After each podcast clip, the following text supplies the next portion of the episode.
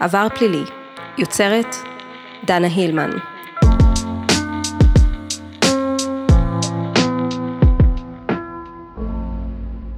שלום וברוכים הבאים למועדוקו פשע שלנו.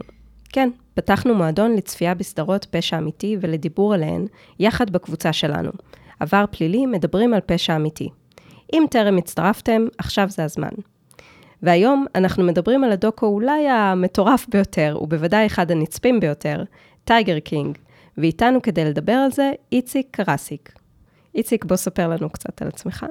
שלום, שלום. אז אני איציק, אני בן 22, כיום אני עושה תואר ראשון במדעי בעלי החיים באוניברסיטה העברית, ולפני כן עבדתי שלוש שנים בגן החיות התנ"כי.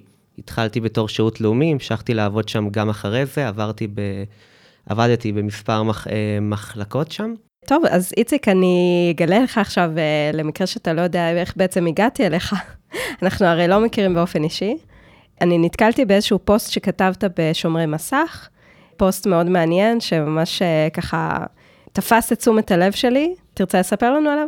בכיף, כן. אז צריך לומר, אני, מהרגע שהתחלתי לצפות בסד... בסדרה, הייתי מרותק אליה בצורה מטורפת. כלומר, תוך לילה אחד השלמתי את כל הפרקים, והסדרה, התוכן שם, א', הוא, הוא ריתק אותי בצורה מאוד מאוד גדולה, וב', יכולתי להזדהות עם כמה דברים שקרו שם מבחינת העבודה שלי. כלומר, איך שהפרקים התפתחו אחרי זה, לא רצחו בגן חיות שלי אף אחד, אבל האופי של האנשים ש, שלפעמים אחזו במחלקות ומאבקי הכוח, ואפילו חלק מהטיעונים עצמם, היו דומים בצורה מטרידה. אז הרגשתי שהסדרה נגעה בי מאוד לא, לא רק בתור צופה, אלא בתור מי שהיה חלק ממערכת שמאוד שונה מצד אחד מגן החיות שמתואר בסדרה, אבל קצת דומה לו מצד שני.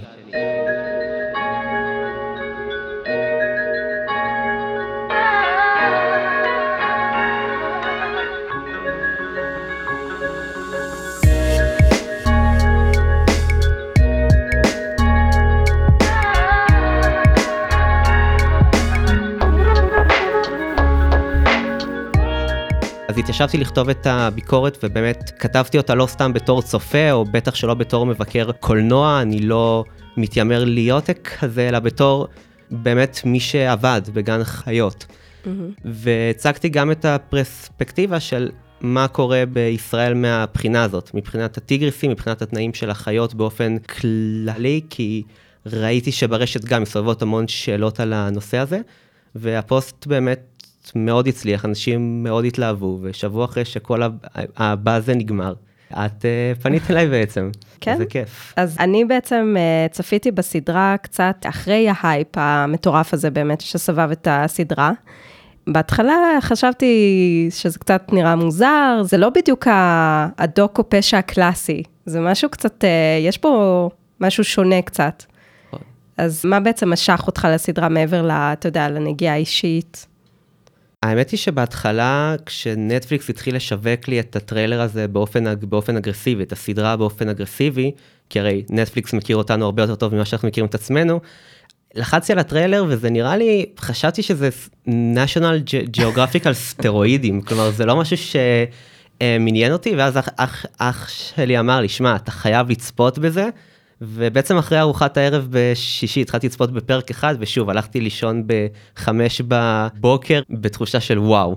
אני גם, אני בהתחלה, נטפליקס מאוד מאוד דחף את זה, וכמו שתיארת את זה בצורה אגרסיבית, ובהתחלה כזה קיבלתי vibe מאוד eighties-י, ולא הרגשתי ש... יש לזה קצת אה, מראה מיושן כזה, הצילום, ו... יש תחושה נכון. טיפה כזה, כאילו זה תקוע בעבר, כאילו זה לא מרגיש לי כמו עכשיו, 2020, לא יודעת, זה קצת הרגיש לי כמו דוקואים שפעם היו עושים, mm-hmm. וגם הצילום הוא נראה מאוד גולמי. כן, נכון. אוקיי, אז מה ידעת לפני הצפייה בעצם על עולם ה-Big Cats? אני לא עבדתי עם טיגרסים באופן אישי, אבל כן יצא לי להיות בתוך התצוגות, מאחורי הקלעים, לקבל הסברים על כל התחום הזה. אז בעצם ההיכרות שלי נבעה מהעניין שעבדתי לידם יום-יום, לא הכרתי את המצב בארצות הברית, כלומר העובדה שהם מציגים בהתחלה, שיש יותר טיגריסים בשבי בארצות הברית, מאשר שיש בכל העולם בטבע, זה שוק פסיכי. Mm-hmm. כי המון ארגונים, המון אנשים טובים משקיעים מיליארדי דולרים בכל שנה בשביל להרבות טיגריסים בצורה טבעית ובצורה טובה, שיהיה אפשר להחזיר אותם לטבע, ואז מגיע ג'ו אקזוטיק הזה, והוא כמו... כמו שמכניסים את הכבל של ה-USB, הם הרבה אותם ל... זה מזכיר לי שמישהו, איזו דמות אה, די שולית בסדרה, אמרה כזה, הבעיה זה סכנת הכחדה, אז הוא מרביע אותם, אז מה הבעיה? אז הוא עושה את מה שצריך, אז צריך שיהיה יותר, אז הנה, הוא דואג לזה שיהיה יותר. כן, כאילו, שזה טיעון, הייתי אומר, מאוד טיפשי, או מאוד מאוד שטחי, כי המטרה היא לא רק המספרים, המטרה היא האיכות, המטרה היא בעצם להשיב אותם בסופו של דבר אה, לטבע, וזה לא מה שהוא עושה. כלומר, אם אני עכשיו... אה, אצור מיליון טיגרסים ואני אמסגר את כולם אה, לקיר עם מסמרים ואתן להם את המינימום הנדרש, אני לא פתרתי את בעיית הכחדת הטיגריסים. סתם גרמתי סבל למיליון טיגריסים אחרים. אז הבעיה היא לא רק הכמות, אלא גם השאלה האם הם יוכלו לחיות אה, ולשרוד בטבע. בדיוק, בדיוק. Mm-hmm. כי טיגריס שגודל בתנאי שבי, אין לי שום סיכוי לשרוד אה, בטבע בעצם. Mm-hmm. טוב, אז uh, הסדרה נפתחת, היא בעצם מתחילה כזה מהסוף. מתחילה בעצם בזה שאנחנו שומעים שג'ו אקזוטיק בכלא, ואז אנחנו קצת ככה תוהים איך הוא הגיע למצב הזה, מה הוביל אותו למצב הזה, ואז בעצם ככה הסדרה מתחילה, ומתחילים להציג לנו אותו כשהוא, uh, לדעתי, חמש שנים קודם לכן. נכון. הסצנה הראשונה, אגב, הייתה כשהבמאי עצמו מספר שהוא בכלל התעסק בנושא אחר. הוא ראה איזשהו דוב, איזושהי כן, חיה, כן, הוא... חיה אחרת, שכאילו סגורה במשאית במה שנקרא חגורת השמש בארצות הברית, שזה האזור הכי חם ולוהט בקיץ, והוא תהה איך אפשר להחזיק חיה פראית בשיא החום במשאית, כאילו, איך, איך, איך אנשים מגיעים לסיטואציה הזאת בכלל? וזה מה שהוביל אותו לחקור ולגלות את העולם הזה. בדיוק, כן. כלומר, הרעיון הראשוני שלו היה לעשות סדרה על אותם חיות כמו טיגריסים וצ'יטות שמוחזקות אה, בשבי, והדמות של ג'ו אקזוטיק הייתה כל כך קיצונית וכל כך פסיכית, שמהנושא של זכויות הטיגריסים ומצב הטיגריסים, הוא עבר להתמקד רק בג'ו אקזוטיק. הוא מתפרס על פני, אתה יודע, נכון. עוד, uh, עוד מקומות ועוד אנשים בתעשייה. נכון, נכון. אה, אז מה באמת חשבת בהתחלה על ג'ו אקזוטיק, שההתרשמות הראשונית? היה ברור שמדובר באדם שהוא לא שפוי לחלוטין. האמת שגם רציתי לשאול אותך, מה את חושבת על ג'ו אקזוטיק?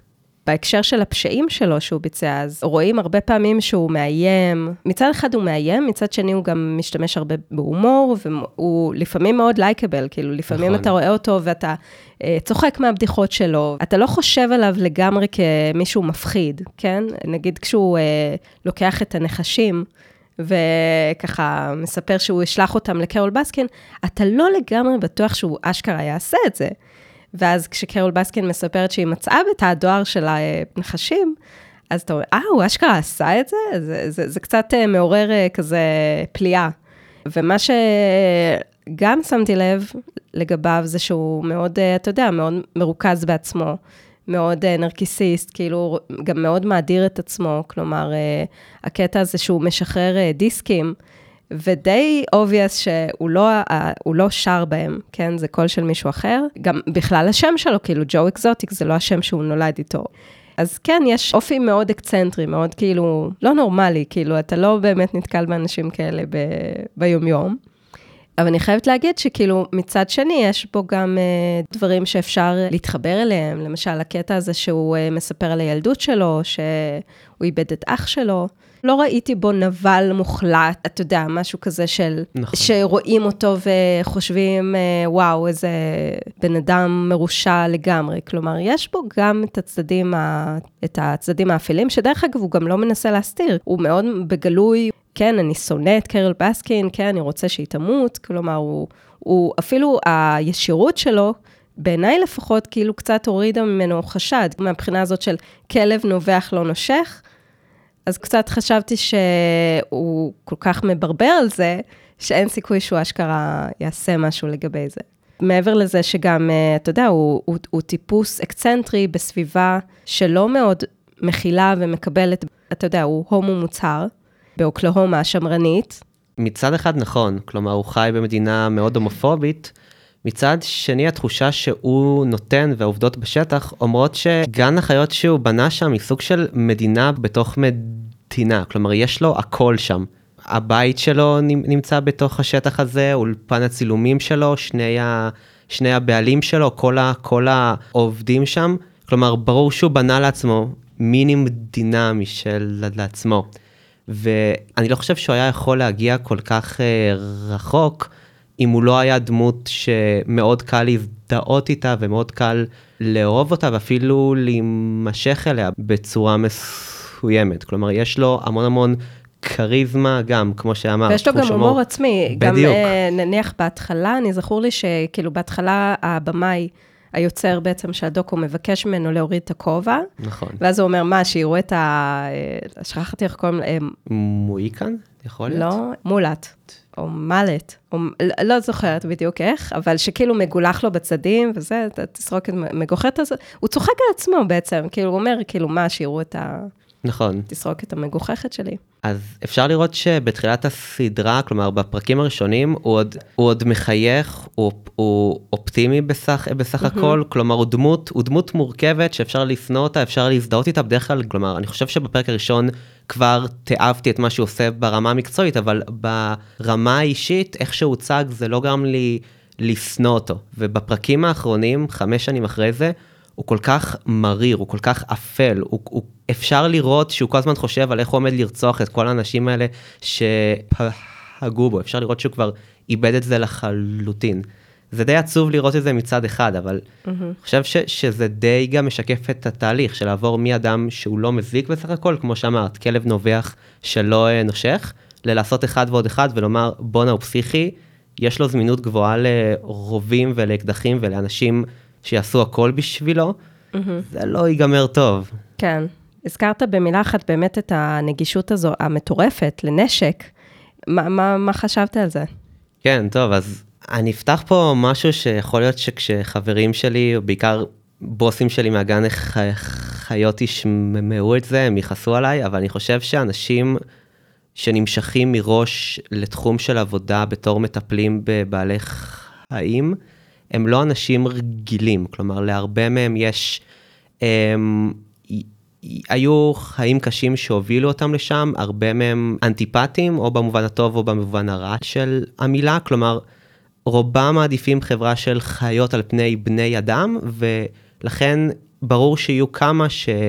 שהם אנשים מאוד קיצוניים. אני חושב שהסיבה שהסיפור של ג'ו אקזוטיק התגלגל כמו שהוא התגלגל, זה כי ג'ו אקזוטיק אשכרה יכל לקנות כמויות עצומות של נשק בוולמארט ולממש את הדברים האלה. אני חושב שמה שעשה את ההבדל זה העובדה שג'ו אקזוטיק יכל ללכת לוולמארט ולהשיג כמות עצומה של נשק ובאמת להיות אדם מסוכן. כלומר, במקומות עבודה אמוציונליים כמו גני חיות, של היסטוריה רב, רבת uh, שנים, אני יכול לחשוב על בן אדם או שתיים שהיה מדי פעם רוצה, רוצה לראות במנהל מחלקה אחרת. Mm-hmm. Um, הוא לא יכל להשיג אקדח, הוא גם לא באמת היה עושה את זה, ואם הוא היה מאיים שנים על גבי שנים שהוא עומד לרצוח אותה, אז, אז היו עוצרים אותו בצורה מאוד מאוד מהירה. כלומר, גם חופש הביטוי בארצות הברית, שבו אתה יכול לומר שאתה תרצח בן אדם מסוים, ורק אם מוכיחים שאתה באמת עומד לרצוח אותו ברמה פרקטית. בסופו של דבר, לדעתי, עצרו אותו רק כשהראו שהוא שילם עבור רצח. כן, כן. כלומר, אם הוא היה מציע למישהו והיו ראיות שהוא הציע לכמה נשים ללכת ולרצוח אותה, אבל הוא לא הציע סכום כסף פרקטי תמורת הרצח שלה, אז זה חוסה בחופש הביטוי. זה די, זה די פסיכי, לא? כן, וגם uh, נזכרתי, באמת כשדיברת על, ה... על הסצנה הזאת, שהוא באמת מגיע לחנות וקונה, אני רוצה עכשיו 100 קליעים, אני רוצה עכשיו uh, ככה, תביא לי זה, ואז המוכר, בסוף, נכון כשאתה הולך לסופר, אז הקופאית אה, בסוף שואלת אותך, אתה רוצה משהו במבצע וזה? אז הוא שאל אותו, המוכר בחנות, הוא שאל אותו, אתה רוצה גם פצצות עם זה? והוא היה רציני, וכאילו, אנחנו רואים את זה וצוחקים, אבל אם הייתי גרה ב...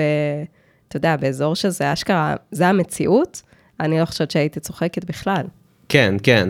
כלומר, אני לא, אני לא חקרתי לעומק את התחום, אבל הבנתי ש, שיש המון מדינות שבהן כמות כלי הנשק שנמצאת בידי האזרחים היא גבוהה, כמו בארצות הברית, ועדיין בארצות הברית מקרי הרצח גבוהים משמעותית מאשר כל מדינה אחרת. כלומר, זה לא רק האקדחים עצמם, זו העובדה שפסיכי כמו ג'ו אקזוטיק יכול להשיג המון.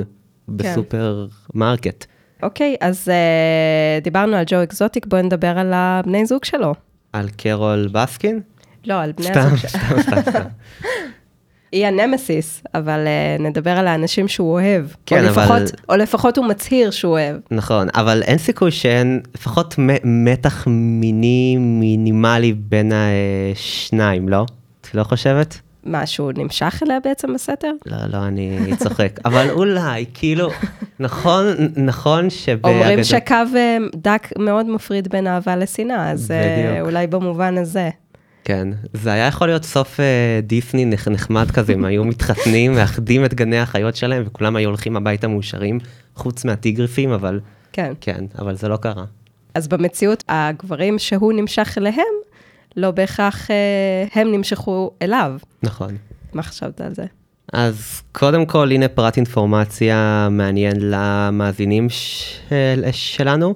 בסדרה היו לו שלושה בעלים בתקופות שונות, מתוכם שתיים בו זמנית. בפועל היו לו חמישה בעלים בסך, בסך הכל. הראשון מת מאיידס, השני יושב בכלא על רצח ועל אונס בשני תיקים לא קשורים. והתוכנית התחילה לצלם בעצם מהרגע שבו היה נשוי לבעל השלישי. שהוא הרגוע. כן, כן. כלומר, הבעל השלישי שלו נרא, נראה כמו גם די פסיכי בעצמו, נכון? ארבעה שיניים בסך הכל, קעקועים על כל הגוף. נראה לי שג'ו אקזוטיק התמתן בשלב הזה, יחסית לשתיים הראשונים. כן. מעניין איך הסדרה הייתה נראית אם היו מתחילים לצלם עם הזוגיות של איתם. אמ, אני רוצה אבל אה, לעבור לדבר על הבן זוג הרביעי, טראביס. נכון. בחור צעיר, שמה שנקרא tall, dark and handsome, אז טראביס בעצם מגיע וכובש את ג'ו בסערה. טראביס לא נמשך אליו בשום צורה, כשג'ו לא רואה, או אולי רואה ופשוט מעלים עין, אה, הוא למעשה שוכב עם נשים באזור גן החיות. כן, כן, אז בעצם שני הבעלים, ג'ון פינלי וטראביס, בתוכנית ניתן מפורש ששניהם היו סטרייטים, הבעל השלישי באמת um, עזב אותו כדי להתחתן עם אישה אחרת, וגם mm-hmm. את טראביס עצמו ניהל רומנים מאחורי הגב שלו, כמו שאמרת. נשאלת השאלה, איך שאנשים שלפחות חלקם נראים שפויים בסך הכל, נמשכים אליו ברמה שמוכנים לקיים יחסי מין איתו. אוקיי, okay, עכשיו אני רוצה להראות קטע בווידאו שמדבר בדיוק על זה. ג'ו אקזוטיק מדבר על זה שהוא הכיר את הבן זוג שלו, נראה את זה ואז נדבר על זה. You watch porn? He says, yeah. I said, well, do you enjoy the guy with the little one doing her, or do you enjoy watching the guy with the big one doing her? And he says, well, obviously you want to watch the guy with the big one. I said, well, you ain't that straight. אוקיי, אז שמענו עכשיו קטע שבעצם ג'ו מסביר את ההיכרות שלו עם טראביס ושואל אותו, אתה צופה בפורנו? ואז הוא עונה לו, כן. ואז הוא שואל אותו, כשאתה רואה את הגבר... עם איבר המין הגדול, כן. אתה מעדיף את השחקן עם איבר המין הגדול או איבר המין הקטן, וכשהוא עונה לו הגדול, אז זה מה שאתה מעדיף. שזה טיפול ההמרה המהיר ביותר שראיתי אי פעם. זה ומת, לאורך כל הסדרה. הבחור הזה, טראביס, נראה מסומם לחלוטין. לגמרי. עכשיו, גם על, על פינלי, אתה רואה גם את, ה, את השיניים הרקובות שלו, כלומר, אתה ממש רואה את, ה, את ה, מה שנקרא meth teeth, נכון. שזה כאילו שכל השיניים נרקבות מרוב השימוש באמת. קרול בסקין, נעבור בחדות, מעבר חד. קרול בסקין, אה, היא מוצגת לנו בהתחלה כאיזה מושיעת חיות כזאת, אה, כל הכוונות שלה כאילו מאוד טהורות, גם קוראת למקום שלה Big Cat Rescue, כלומר, היא מצילה את האחיות. מה, מה הייתה ההתרשמות שלך עליה, ממנה? קרול בסקין באמת מנסה והצליחה הרבה שנים ליצור לעצמה את התדמית הנקייה הזאת, את ההפך המוחלט מג'ו אקזוטיק, והתוכנית הזאת די הרסה לה את כל הפרנסה, את כל...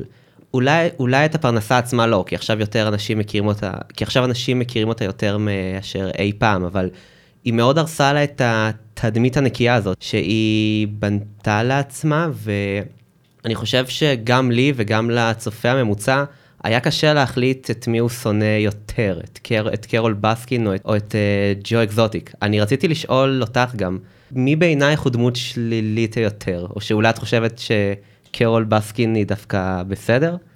אז זהו, אני חשבתי, זה, זה מאוד משתנה לאורך הפרקים.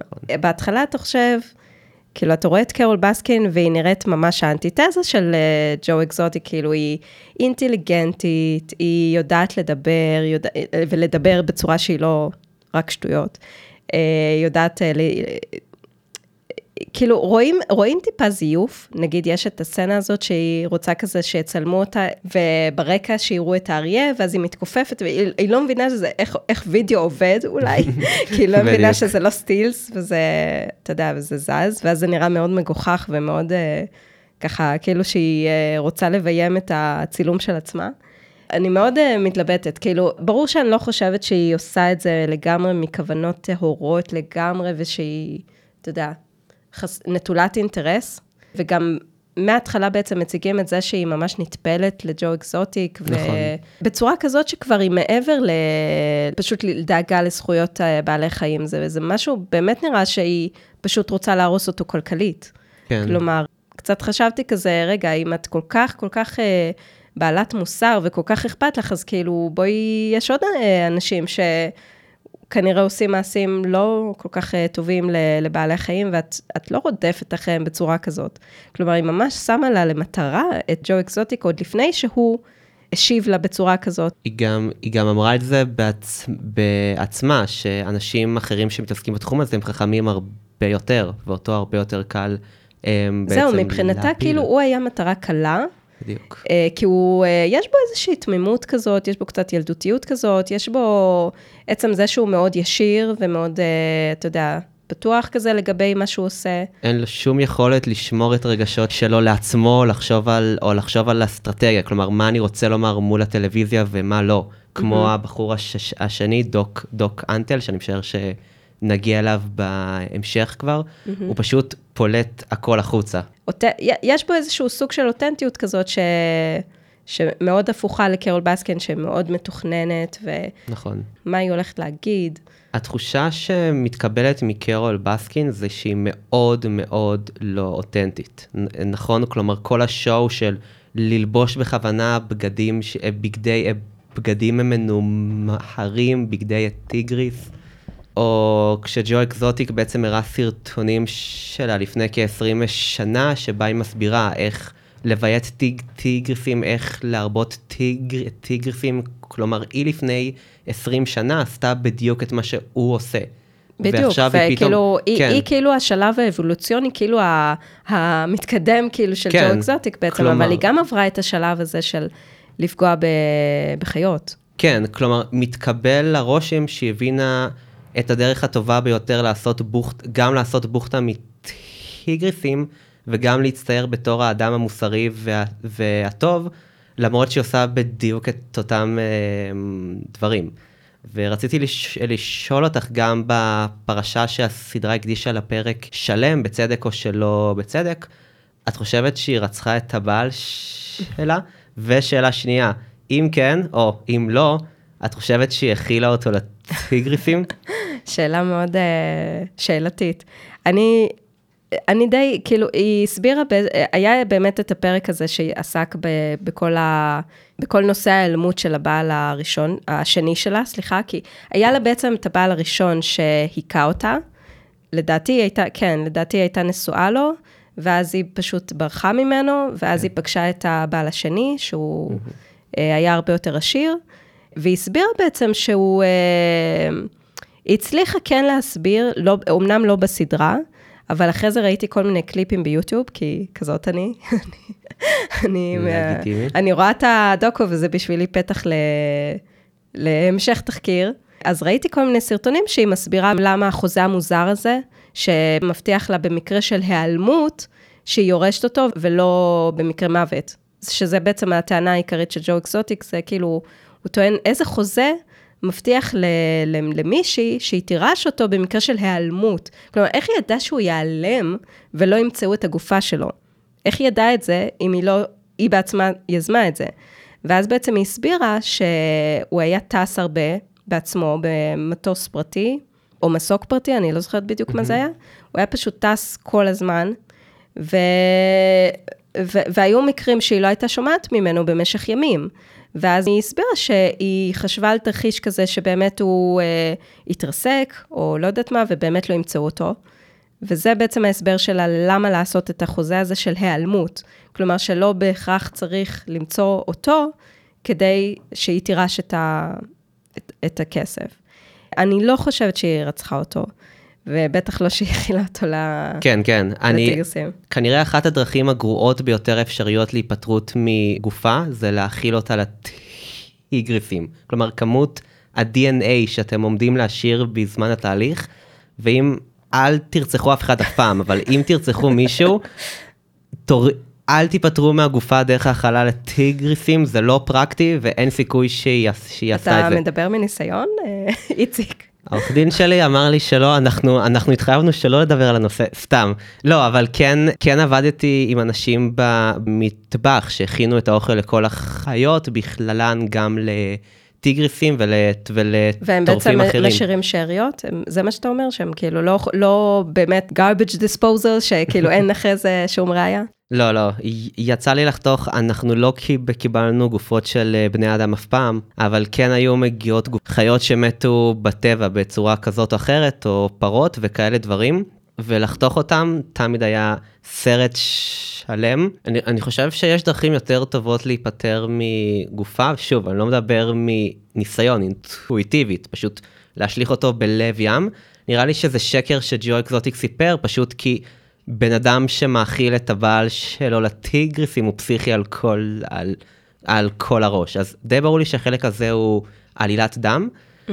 אני לא בטוח לגבי הקטע של הרצח של הבעל, כי היו שם דברים מוזרים אחרים, כלומר זה לא רק החוזה עצמו. לדוגמה ממה שסיפרו בסדרה, החפצים האישיים שלו נשארו בתוך המכונית, כלומר בחור נעלם לחלוטין, והוא השאיר מלא חפצים אישיים בתוך, בתוך המכונית. זאת נראית תאונת מסוק די, מוז, די מוזרה, לא? אבל אה. כן, אבל היא התייחסה לזה, היא הסבירה שהייתה בעצם שגרה כזאת, שכן, שהוא היה הולך וחוזר כעבור כמה ימים, ומשאיר את כל הדברים כמו שהם. כלומר, הוא לא, זה לא שהוא תכנן להיעלם, או תכנן, אתה יודע, לעזוב אותה וללכת.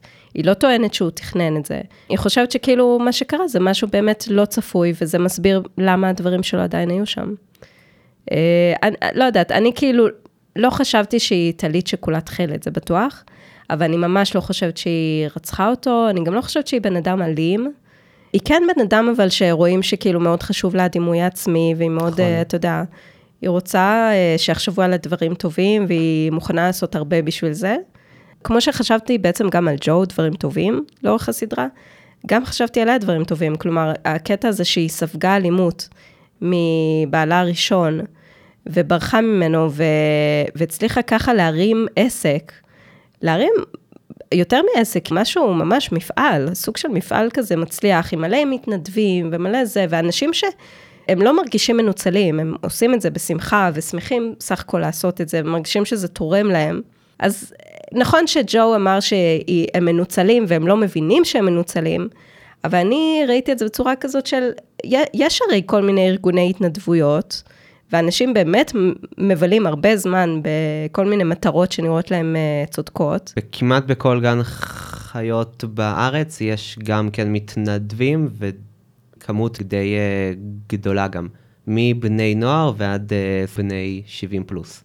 בדיוק, אז אני הרגשתי כאילו שיש סוג של, אה, ברור שלא בהיקף כזה, ועם כל השיטת החולצות, ושהם צריכים לבלות עכשיו חמש שנים, זהו. כדי להגיע ל...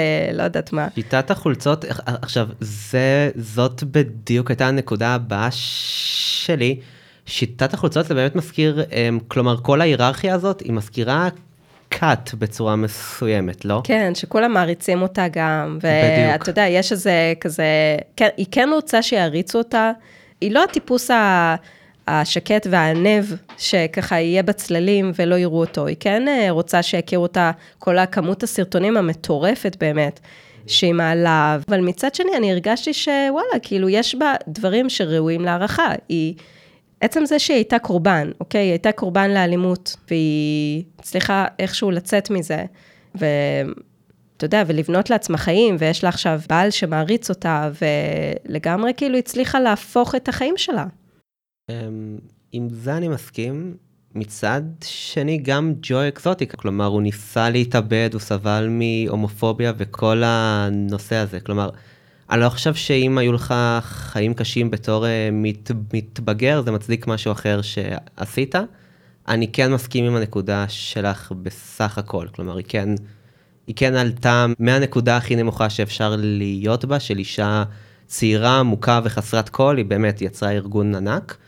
אני מסכים שזה בהחלט דבר וגם אה, אה, מרשים. רואים, רואים שיש לה כישורים, כלומר, ביחס לג'ו אקזוטיק, יש לה כישורי ניהול, ואתה יודע, וגישה עם אנשים, וזה בצורה, היא מתעלה עליו. כלומר, זה אין ספק בכלל שהיא, אה, אם כל העובדים, כמעט כל העובדים בגן חיות של ג'ו אקזוטיק בעצם מדברים על זה שהוא אה, מאוד קשה, קשה לעבוד איתו, והוא צועק, והוא אה, זה, ולעומת זאת, קרול בסקין, אנשים לא דיברו עליה ככה לפחות, לפחות למצלמה. כן. אז זה מעיד משהו שאיכשהו היא, היא, היא כן יותר אה, מתוחכמת ממנו, היא איכשהו ללא כן ספק. מצליחה להתעלות עליו אה, ביחסי אנוש וגם ב- ברמה התקשורתית. כן, כלומר, ל- ללא ספק היא מבינה הרבה יותר מה היא עושה. So I'm Dr. Bhagavan Antle, B H A G A V A N Antle, A N T L E, Dr. Bhagavan Antle. And speaking of incredible animals, joining us is the founder and director of זה הסצנה שהוא ככה נכנס אה, עם הפיל, על הפיל, רכוב על פיל. הוא ככה מסתובב לו על הפיל, באחוזה שלו.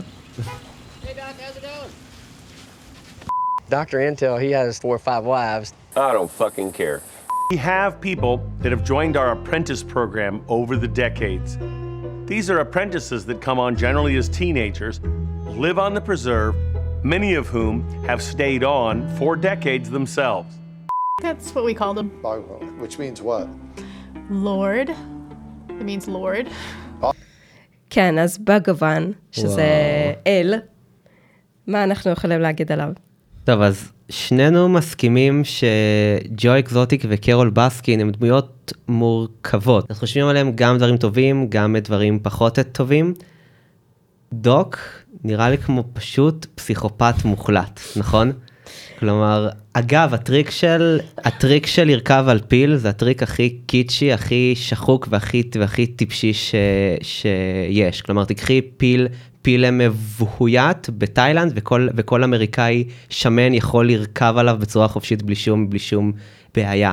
זה לא משהו שאמור לה, לה, לה, להרשים אף אחד. אבל כן, זה עושה את האפקט הזה של וואו, מי זה? כן, הוא באמת נראה כזה, קצת אה, דמות כזאת גדולה מהחיים, ומעניין לציין שגם קרול בעצם אומרת שהוא אה, חכם, יחסית אם היא אומרת שהוא... אה, היא כן מתייחסת אליו בצורה הרבה יותר אה, מכובדת מלג'ו אקזוטיק, וג'ו אקזוטיק מעריץ אותו, הוא בעצם אומר שהוא למד ממנו, וכאילו, ובעצם הוא סוג של אה, בן טיפוחיו, ככה כן. הוא מעיד על עצמו. אני לא קרימינולוג, ולכן אני אשמח גם לשמוע מה את חושבת עליו, כלומר מבחינת אופי. אם הדמויות של קרול בסקין וג'ו אקזוטיק הן עוד מורכבות, ואפשר לראות שהם אנשים עם רגשות ויש להם צדדים חיוביים או שליליים, כלומר, אוקיי, יכול להיות שהיא רצחה את בעלה, או יכול להיות שהוא ניסה לרצוח אותה, אבל הוא בחור מצחיק, אז אוקיי, אני איכשהו יכול לאזן את זה. דוק פשוט נראה לי כמו פסיכופת מוחלט, פסיכופת מחושב, שלא אוהב חיות אפילו.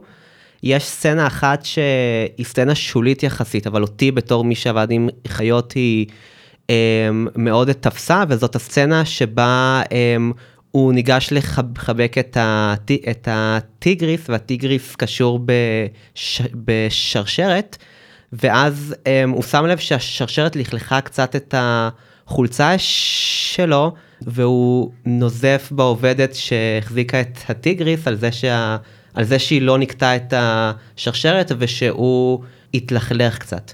והאלף בית של בן אדם שבאמת עובד עם חיות, זה להתלכלך ב... ביום יום. כי חיות עושות, עושות uh, צרכים, חיות עושות לכלוך מבחינת אוכל, מבחינת הכל. אני לא חושב שיכול להיות בן אדם שעובד עם חיות עשרות שנים, וכל כך יתרגש מלכלוך של uh, חיות אם הוא באמת אוהב אותן. ולא רק זה, גם היחס שלו לבני אדם. נכון. בוא נדבר על זה, כאילו, המב... אני, אני באמת זוכרת את הסצנה הזאת שהזכרת, המבט המאיים הזה שהוא, מוב, שהוא שולח לעובדת, כאילו, חשבתי כזה, וואו, וואו, מה הולך להיות לה אחר כך, זה... בדיוק.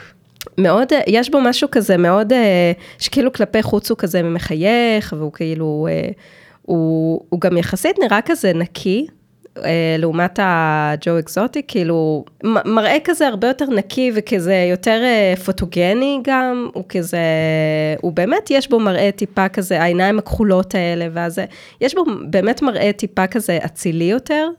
אבל הדיבור שלו לא מחוייך. כלומר, זה, יש וואו, איזשהו נכון. פער כזה בין מה שהוא מנסה להעביר לבין מה שהוא באמת מעביר. בדיוק.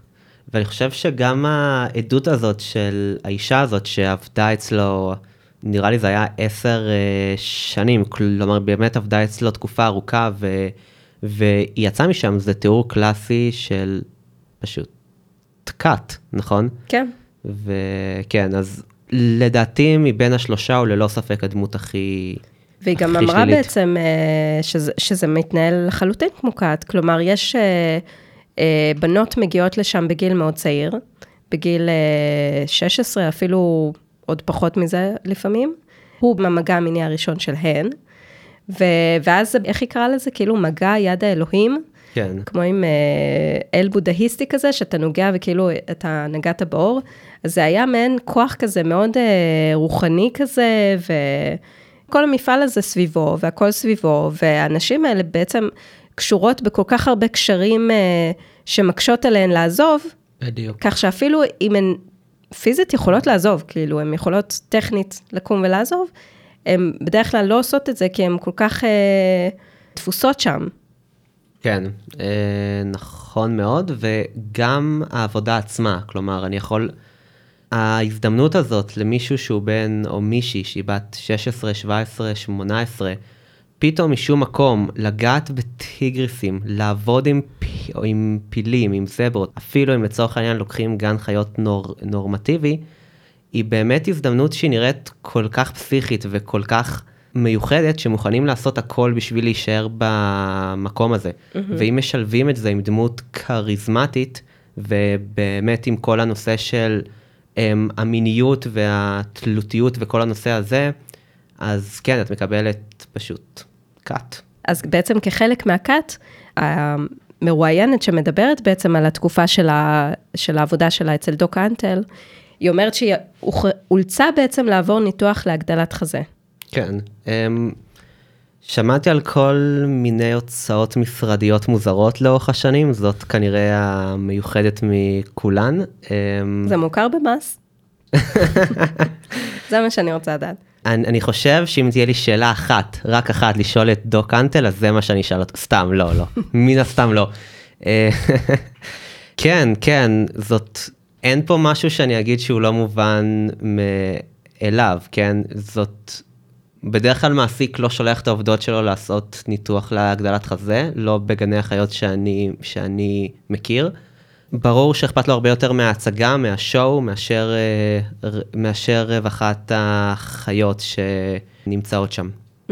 אוקיי, okay, אז אנחנו מתוודים לדמות של אה, מנהל גן החיות אה, של ג'ו אקזוטיק בפועל, ריינקי קוראים לו, בחור עם שתי רגליים תותבות, ובניגוד לסאפ, שאיבד את הזרוע שלו בתאונת עבודה עם הטיגרס, אז הוא איבד אותן באופן שונה לחלוטין, בתאונת uh, אומגה, אבל הוא כן מסביר שהוא היה יכול לשקם את הרגליים שלו, אבל בעצם העבודה בגן החיות, בגלל שהיא כל כך אינטנסיבית וגרמה לו ללכת כל כך הרבה, כן העדיף אה, להקריב את הרגליים שלו, לדעת שהוא הולך לאבד אותן, אבל להמשיך לעבוד בגן החיות בצורה אינטנסיבית וללכת.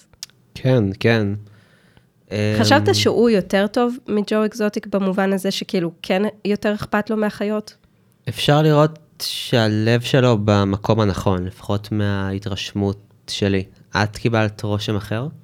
אני קיבלתי, כן, גם תחושה שהוא מאוד אה, מסור ומאוד כזה אכפת לו. אמנם הוא יודע שלא הכל מושלם, והוא גם מודה בזה, כלומר, הוא, הוא לא, רואים שהוא לא לחלוטין אה, מגבה כל דבר שג'ו אקזוטיק עושה. אה, נגיד הנושא הזה של האוכל, זה שהעובדים בעצם אוכלים ממשאית הבשר שהם מקבלים מ... אה, לא זוכרת איך קראו לסופר הזה, שהם מקבלים ממנו נראה לי שזה היה וול. וולמרט גם, כן. וואי, הם, הם היו ביחסי תלות פסיכיים עם, עם וולמרט, אה? גם לנשק וגם לאוכל. כן, שני כן. המוצרי הפ- היסוד הבסיסיים. הדבר שכל גבר צריך. אגב, סיפור אה, מצחיק, אפרופו בשר שבא כתוקף. יום אחד, אני, בכ- אני לא עבדתי במחלקת המת, המטבח או משהו כזה אף פעם, עבדתי עם החיות עצמן, אבל יום אחד אני מקבל קריאה בקשר, ואומרים לי, תגיע דחוף עכשיו לאזור המטבח, אנחנו צריכים אה, יד, ידיים עובדות עכשיו. מגיעות משאיות שמכילות 14 טון של בשר באיכות משובחת, שמישהו שמר מעלה אחת מעל כמה שמותר, ומשרד הבריאות גילה את זה. והחרים להם בעצם את כן, האוכל. החרים, וזה בשר שהוא עדיין באיכות טובה, ובאמת, כלומר סטייקים, מסאדו, כל הדברים האלה היוקרתיים למנגל, 14 טון. ואנחנו פרקנו חמש שעות בר, בר, ברציפות, קופסאות של 25 קילו של האסדו הזה, וזה היה כל כך מפתה לקחת כאילו, לזרוק איזה קופסה אחת אה, לצד ולעשות איזה מנגל ענק.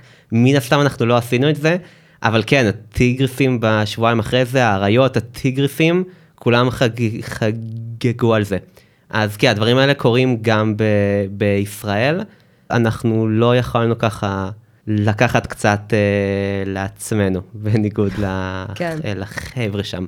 אני מנסה לומר גם שבאמת ברור שבגן חיות שם אין שום, אין שום חוק ואין, ואין כלום. כלומר, אתה יכול לעשות את מה שאתה, את מה שאתה וגם רוצה. הם, וגם הם לוקחים מהמשאית הזאת, לא בעצם כי, כי, כי זה כל כך משובח, אלא מחוסר ברירה, כי אין להם אוכל בדיוק, אחר. בדיוק. וגם אין להם כל כך אה, זמן ללכת, אתה יודע, לסופר ולקנות אה, אוכל. הם, הם עובדים שם, חיים שם, נכון. מאוד תובעני, וכאילו אין להם חיים. כן, כן. ו- וכשאתה נמצא בתוך מערכת כל, כל כך אינטנסיבית שהיא הכל עבורך, גם עבודה, גם מסגרת חברתית, גם רגע, אתה, מגורים אתה לפעמים. יצא לך גם לגור בגן חיות? יש דבר כזה בכלל? לא, לא, לא. אין, אה, אין אה, דבר כזה, יצא לי לישון שם כמה פעמים אה, בעצם. יש או, או בקטע של אה, גיבוש, יש לפעמים משרות נדירות או ימים נדירים כמו יום הכיפורים, שמי שעובד באותו יום פשוט יוש... אה, אין לו ברירה בעצם. כן, כן, בעצם אה, יש, ישן שם, גם עכשיו בתקופת הקורונה, לא, הם לא הגיעו למצב הזה, אבל הם די היו קרובים אה, לשם. אז לא יצא לי לישון שם יותר מכמה פעמים בודדות. כן יצא לי לעבוד 13 ו-14 שעות ברציפות בגן אה, חיות. אני כן יכול לומר שנהניתי מכל רגע כשעשיתי את זה. כלומר, אני חושב שכולנו יכולים להזדהות עם התחושה הזאת שאנחנו בתוך מסגרת כיפית, אנחנו עובדים בעבודה שמספקת אותנו, אז יש גם את המוטיבציה להמשיך עוד ועוד. אוקיי, אז אה, בואו נדבר רגע על ג'ף לואו, כן. הדמות הלואו של הסדרה.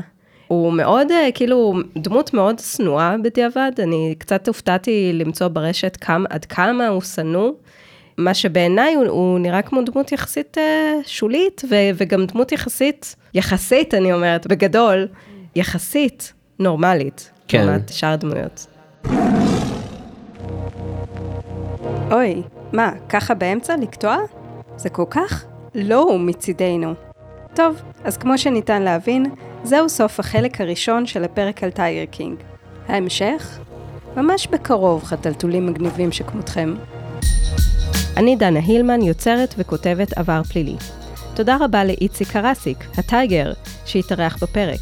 אני מעדכנת בעמוד הפייסבוק ובטוויטר של הפודקאסט על התפתחויות בפרשה, על ג'ו אקזוטיק, קרול בסקין ושאר החבר'ה. אז ודאו שאתם עוקבים כדי להישאר עם היד על הדופק. ודאו שאתם רשומים לפודקאסט על ידי כפתור ה subscribe. אם אהבתם את הפרק ואתם נהנים מהפודקאסט, תנו לו דירוג של חמישה כוכבים ורשמו מספר מילים באפל review או באפליקציה דרכה אתם מאזינים כרגע. ספרו לחבריכם על הפודקאסט והמליצו להם להירשם. את עבר פלילי ניתן למצוא באפל, ספוטיפיי, Castbox, Podcast Addict ובכל אפליקציה מוכרת להאזנה לפודקאסטים. הצטרפנו לאחרונה גם ל Deezer וליאנדקס, שעשו עלייה לישראל בשעה טובה. אתם יכולים לתמוך בפודקאסט על ידי הפיכה לפטרונים. לינק לעמוד הפטריון תמצאו בהערות הפרק. בקרוב, אתר חדש לפודקאסט. צירי זמן בפרשות המוזכרות, פרקים להאזנה, תמלילי הפרקים, ועוד חומר להכיל את המפלצת. יש לנו קבוצה חברים. חפשו בפייסבוק עבר פלילי מדברים על פשע אמיתי. יש לכם חברים שמכורים לפשע אמיתי? מעולה, צרפו גם אותם. אנחנו נשתמע בפרק הבא, בתיק הפשע הבא. עד אז, המשך יום צודק לכם.